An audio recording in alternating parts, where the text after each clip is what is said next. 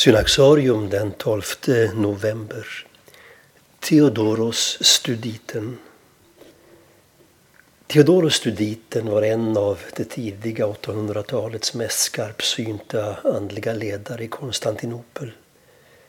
Han förnyade det monastiska livet och fullföljde det försvar av ikonen som generationer innan haft sin främste företrädare i Johannes av Damaskus. Kampen för ikonen och därmed för inkarnationen var bara en av flera frågor där Theodoros hamnade på kollisionskurs med både kejsare och patriark i det bysantinska rikets huvudstad. Theodoros tillhörde en av Konstantinopels ledande släkter och flera i hans familj greps av den monastiska väckelsen. Han ordinerades till präst år 794 och blev ledare för ett kloster som etablerats på en egendom som tillhörde familjen. Efter en konflikt med kejsaren då den hade gift om sig med en kusin till Theodoros angreps hans kommunitet och munkarna skingrades. När kejsaren några år senare blivit avsatt kunde munkarna återvända och Theodoros erbjöds av kejsarinnan att överta ledningen för det berömda studionklostret i Konstantinopel. Under hans ledning utvecklades klostret till det andliga centrum som det kom att vara under lång tid framöver. När en ny våg av ikonoklasm, kritik av ikonerna, bröt ut år 815 ledde Theodoros försvaret av ikonen.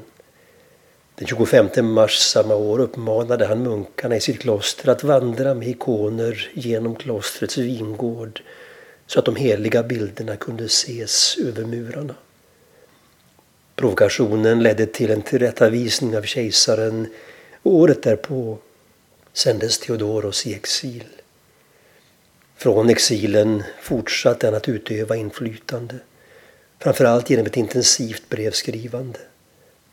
Han fick utstå prygel, men en kort tid efter att kejsar Leo den sjätte mördats år 821 frisläpptes han och kunde återvända till Konstantinopel.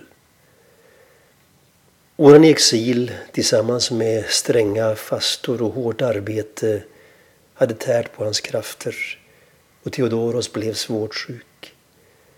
Under slutet av sitt liv författade han sitt andliga testamente i form av en andlig vägledning för studionklostrets framtida ledare. Han dog den 11 november år 826 medan han firade liturgin i ett kloster i Betynien och 18 år senare fördes hans kvarlevor till Studionklostret i Konstantinopel.